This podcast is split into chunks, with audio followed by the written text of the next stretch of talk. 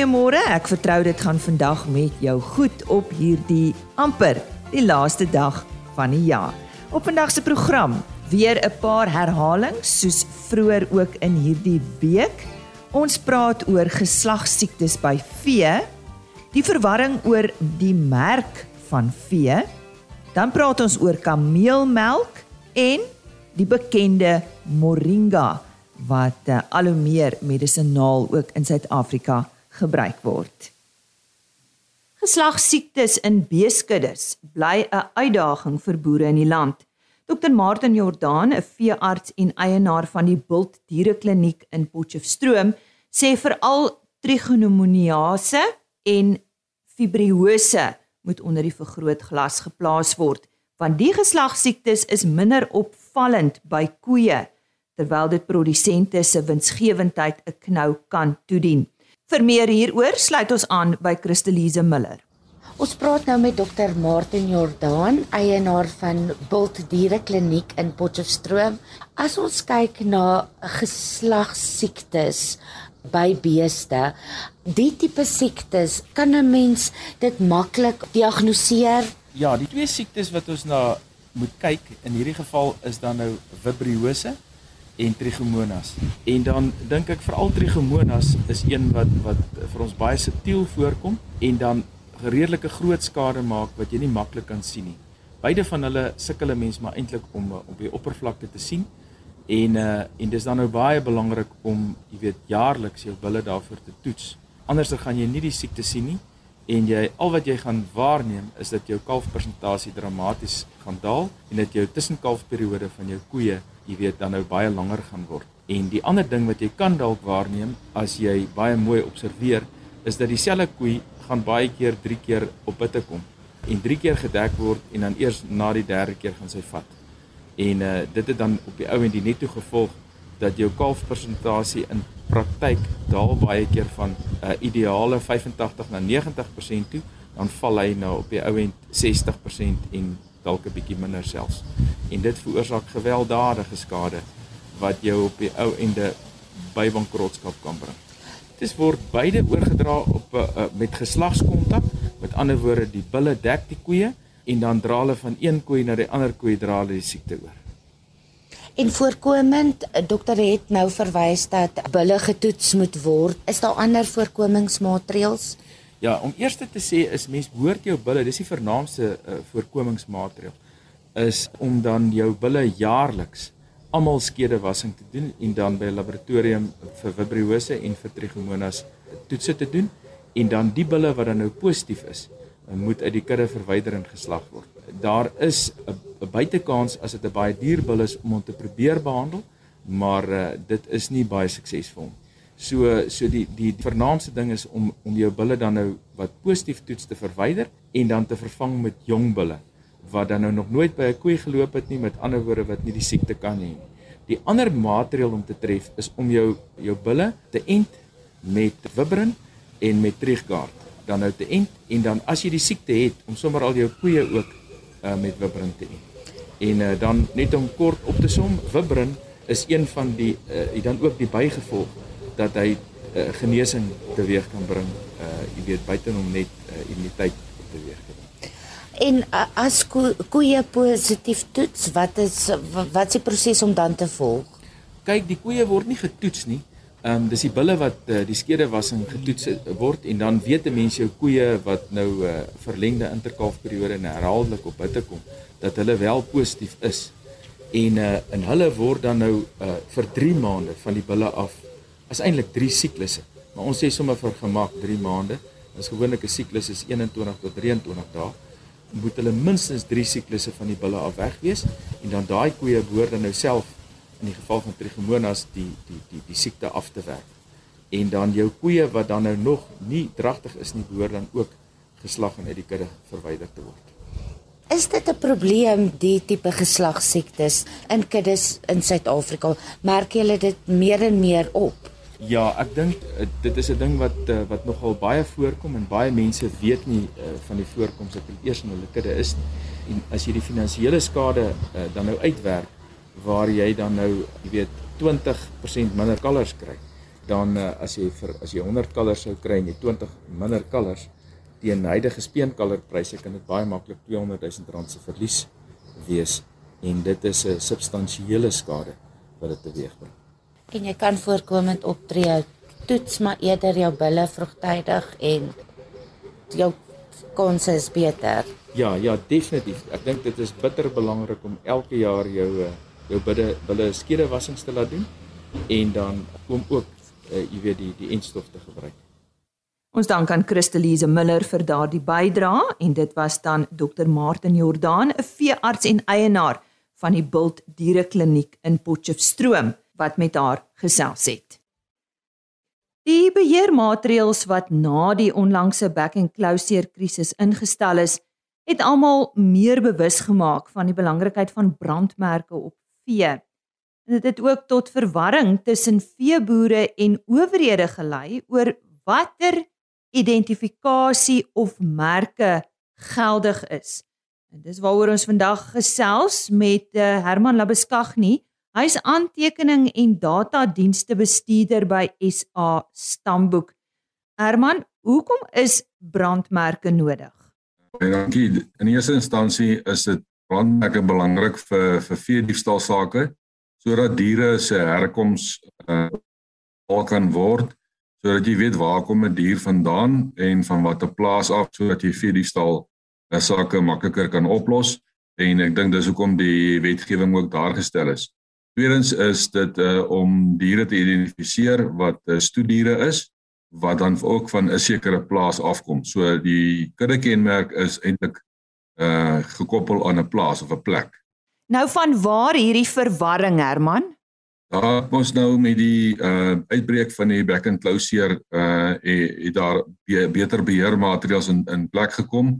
Veral by veilinge uh word die brandmerke gekontroleer uh teenoor die eienaar en die diere wat die persoon aanbring by die veiling. En dit skep dan nou probleme want daar's twee uh, merkstelsels dit is die uh, diere identifikasiewet se of die brandmerke en dan is daar die stoet uh, gedeelte se se merke ook. En uh, hulle weet baie keer nie van mekaar nie en dit is waar die verwarring inkom wat hulle nie weet dat uh, daar 4 tot en met 4 karakters by die stoetkant gebruik kan word nie. Hulle weet van die 3 karakters by die by die brandmerkkant so dit dit lei tot verwarring daar So hoe moet diere gemerk word?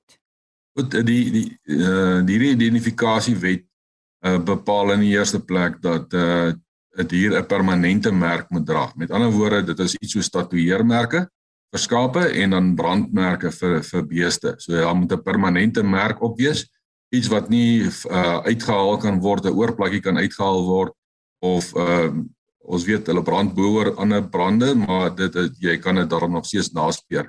So brand en tatoeëer is permanente merke.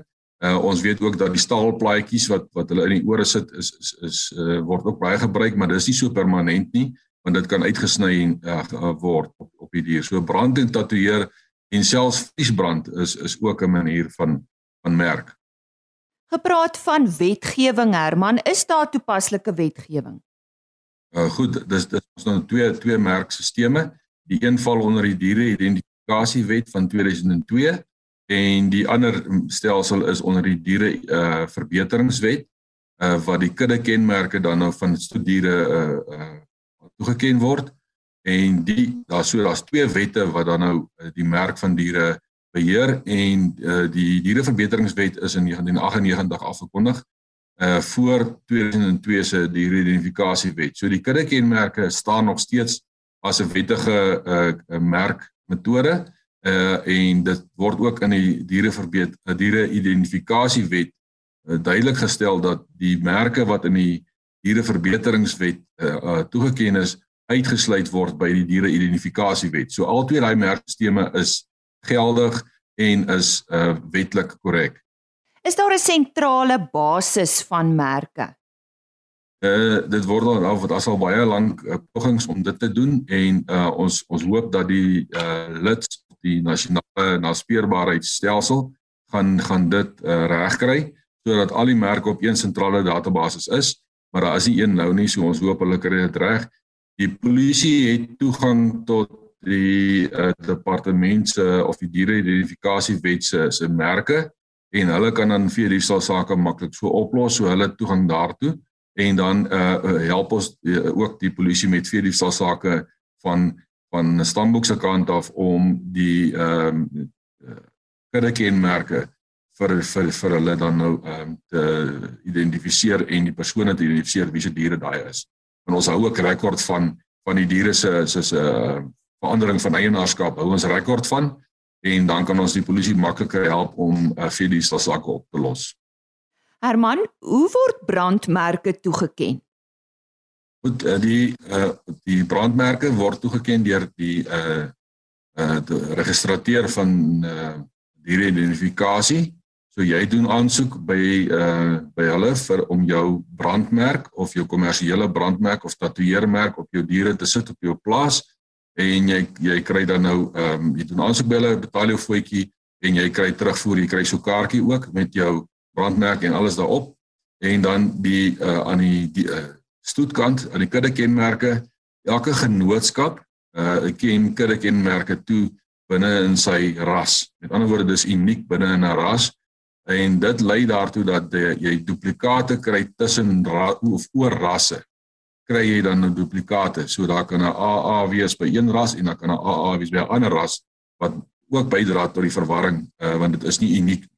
So die uh, genootskap van elke teelers genootskap van elke ras ken daai kudde kenmerke toe. En wat van kudde kenmerke? Kudde kenmerke word dan deur die teelers genootskappe toegeken en dit moet ook permanent aangebring word Binne in die grondwette van hierdie uh, genootskappe word daar duidelik gesê watter tipe merk is hulle primêre en sekondêre uh, merkmetodes.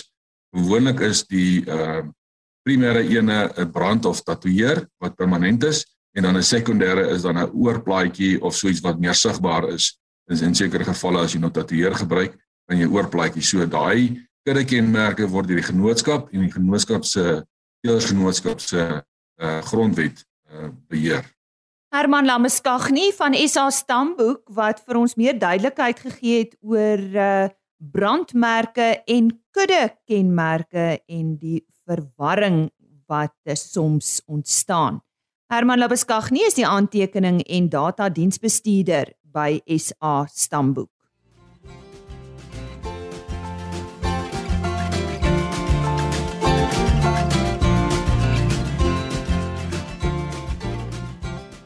Nou beweeg ons Kalahari toe. Nood leer mens bid en soms staan jy verstom oor die manier hoe jou gebede verhoor is en wat alles daaruit vloei. Nou Hans Knoesen, 'n boer in die diep Kalahari naby Askam, het ten tye van droogte besluit om 'n plan te maak met die groep kamele wat op sy plaas loop en die veiding gebruik wat die skape moet gebruik. Na goeie navorsing het hy besluit om 'n kans te waag en die kamele te melk en die mark te toets om te sien of daar ekonomiese waarde in steek. Hy was verstom oor die resultate.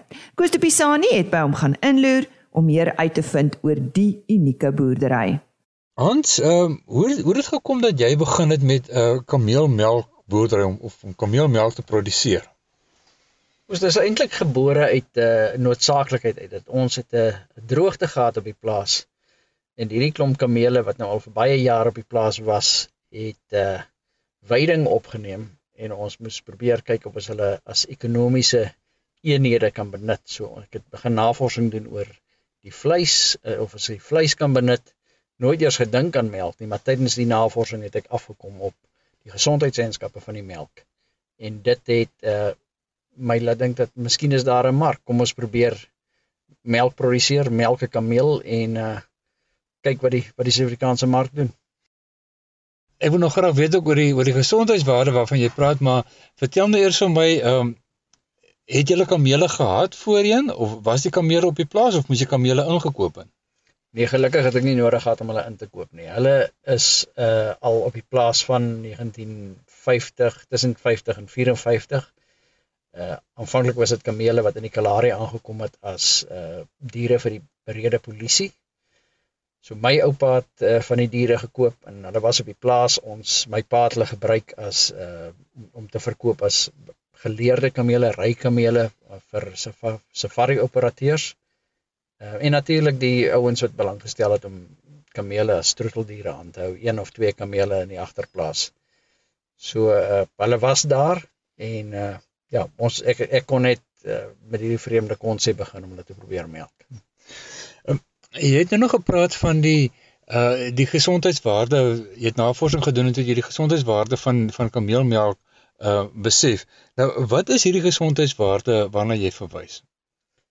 Die groot verskil tussen kamele is dat daar's twee proteïene in koeimelk waar baie mense kom sê negatief reageer en daai twee proteïene is albei afwesig van kameelmelk. So baie mense wat uh kom sê 'n loopneus of 'n slaim op die bors ontwikkel wanneer hulle koeimelk drink. Hulle kan kameelmelk gewoonlik drink sonder dat hulle enige negatiewe reaksie sal ervaar. En dan is die melk natuurlik 'n natuurlike melk, dis 'n uh, 'n diergeproduseerde melk. Hy proe baie soortgelyk aan koeimelk, hy het geen snaakse smaak nie.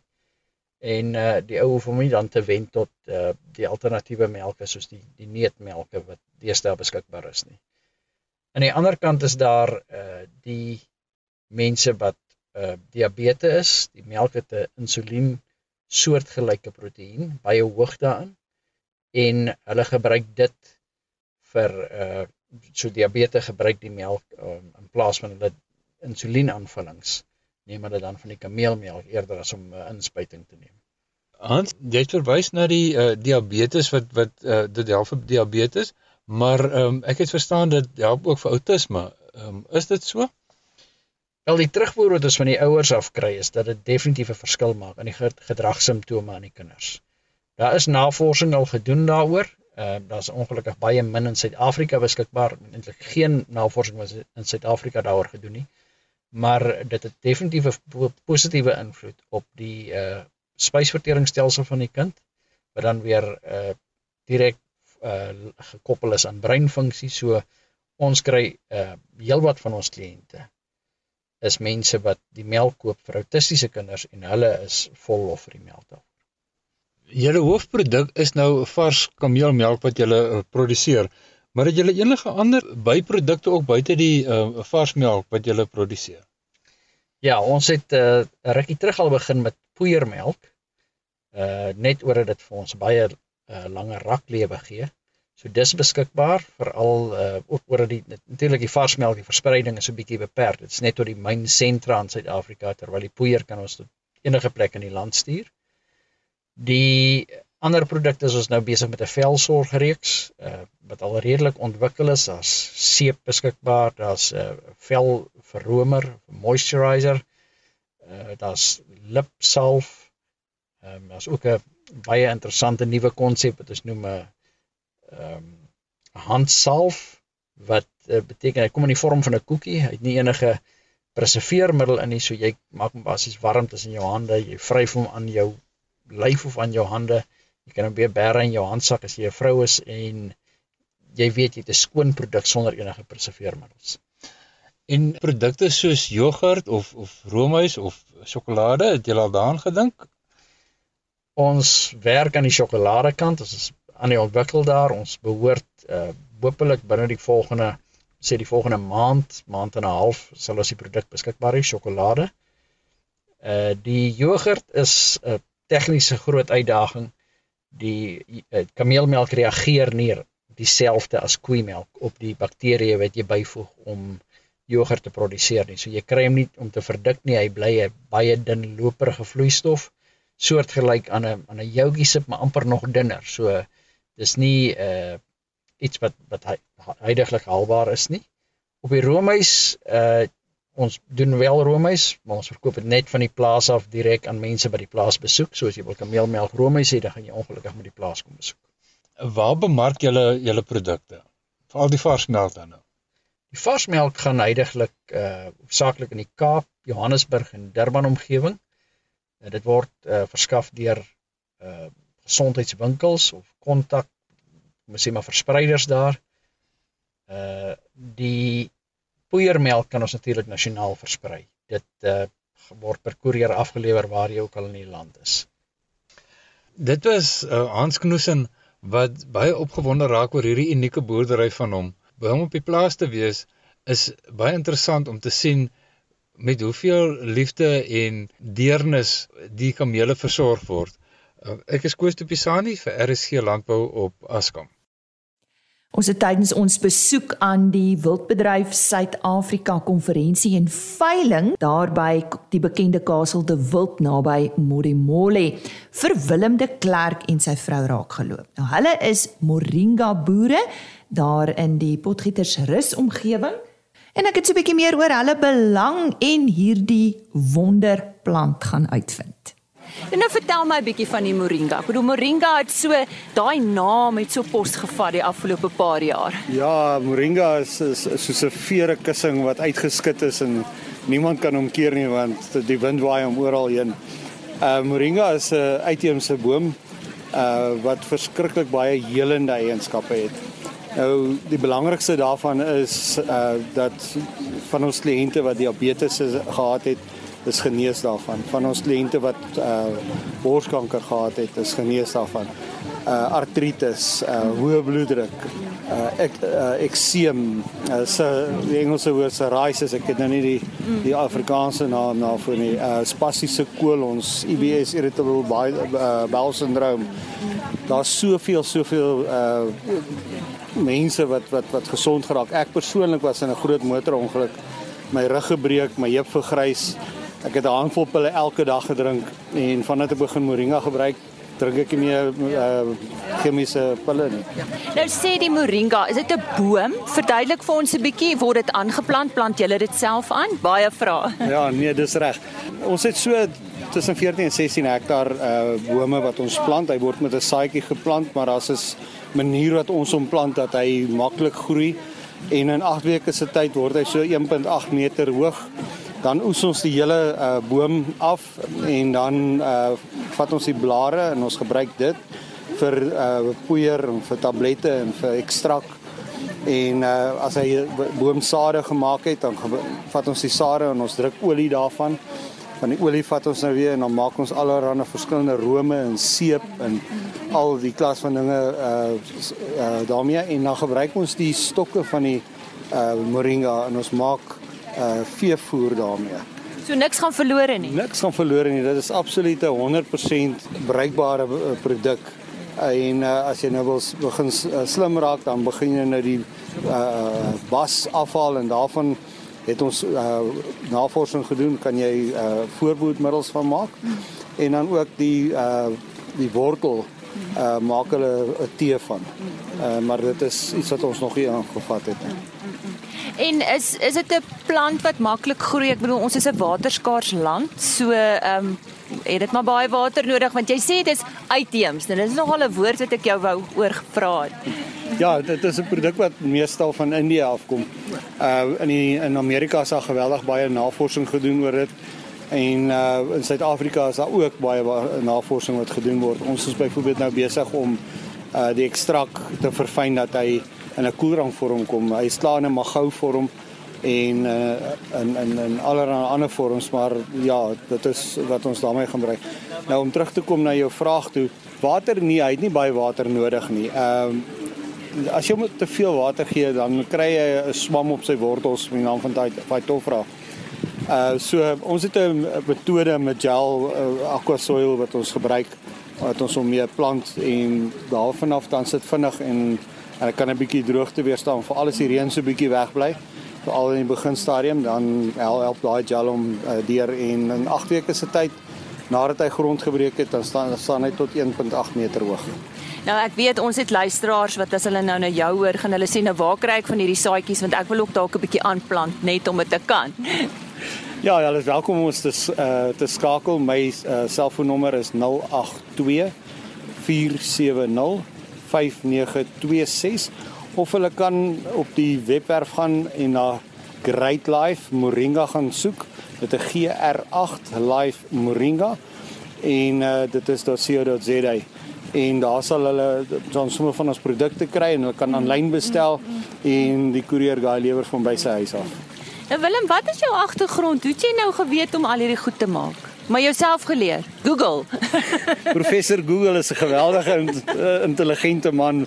Baie gegoogel, baie gelees. Uh party van die goed glo ek is die Vader wat my absoluut dit gegee het om te om, om 'n sekere hoeveelheid produk bymekaar te sit en daar is dit.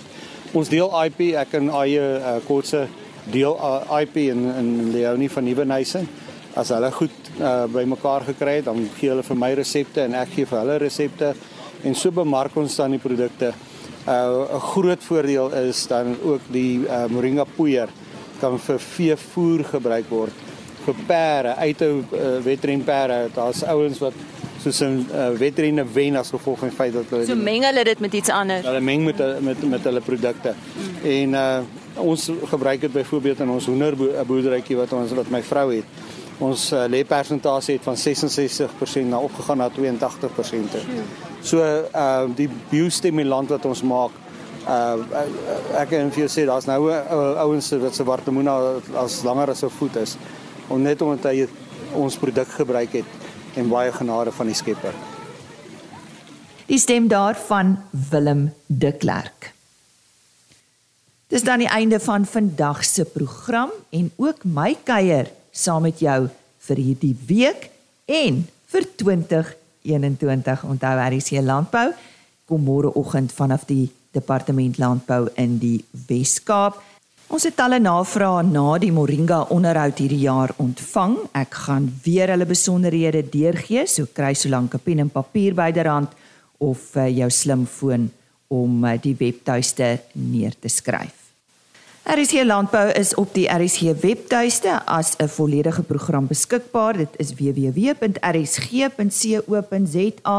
Kyk net onder potgooi dan R vir RSG Landbou en al die programme word daar gelaai. Nou, die besonderhede van Willem de Klerk. Hulle is van Great Life Moringa. Nou Great is GR8. Dis mos soos die kinders dit op die staan skryf. Great GR8. So die webtuiste is www.greatlifemoringa.co.za. Willem de Klerk en besoek gerus daardie webtuiste vir meer inligting. Dit is www.great, die great is GR8 lifemoringa.co.za. Nou ja, en op hierdie uh, opgewonde noot vir die wat uh, die nuwe jaar gaan insien, hou maar matigheid voor oë en uh, geniet dit. Waardeer dit en ek vertrou dat jy jou naweek ook sal geniet. Tot maandag 3 Januarie 2022 sê ek Lise Roberts. Dankie dat jy ook hierdie jaar tyd met my spandeer het. Dit was vir my absoluut 'n voorreg. Stuur gerus vir my 'n e-pos. rsglandbou@plaasmedia.co.za. Ek gesels graag en hoor waaroor wil jy graag meer weet in 2022 en watter onderhoude vir jou belangrik is. Dis rsglandbou@plaasmedia.co.za. Baie seën vir jou. Totsiens. RSG Landbou is 'n plaasmedia produksie met regisseur en aanbieder Lize Roberts en tegniese ondersteuning deur Jolandi Root.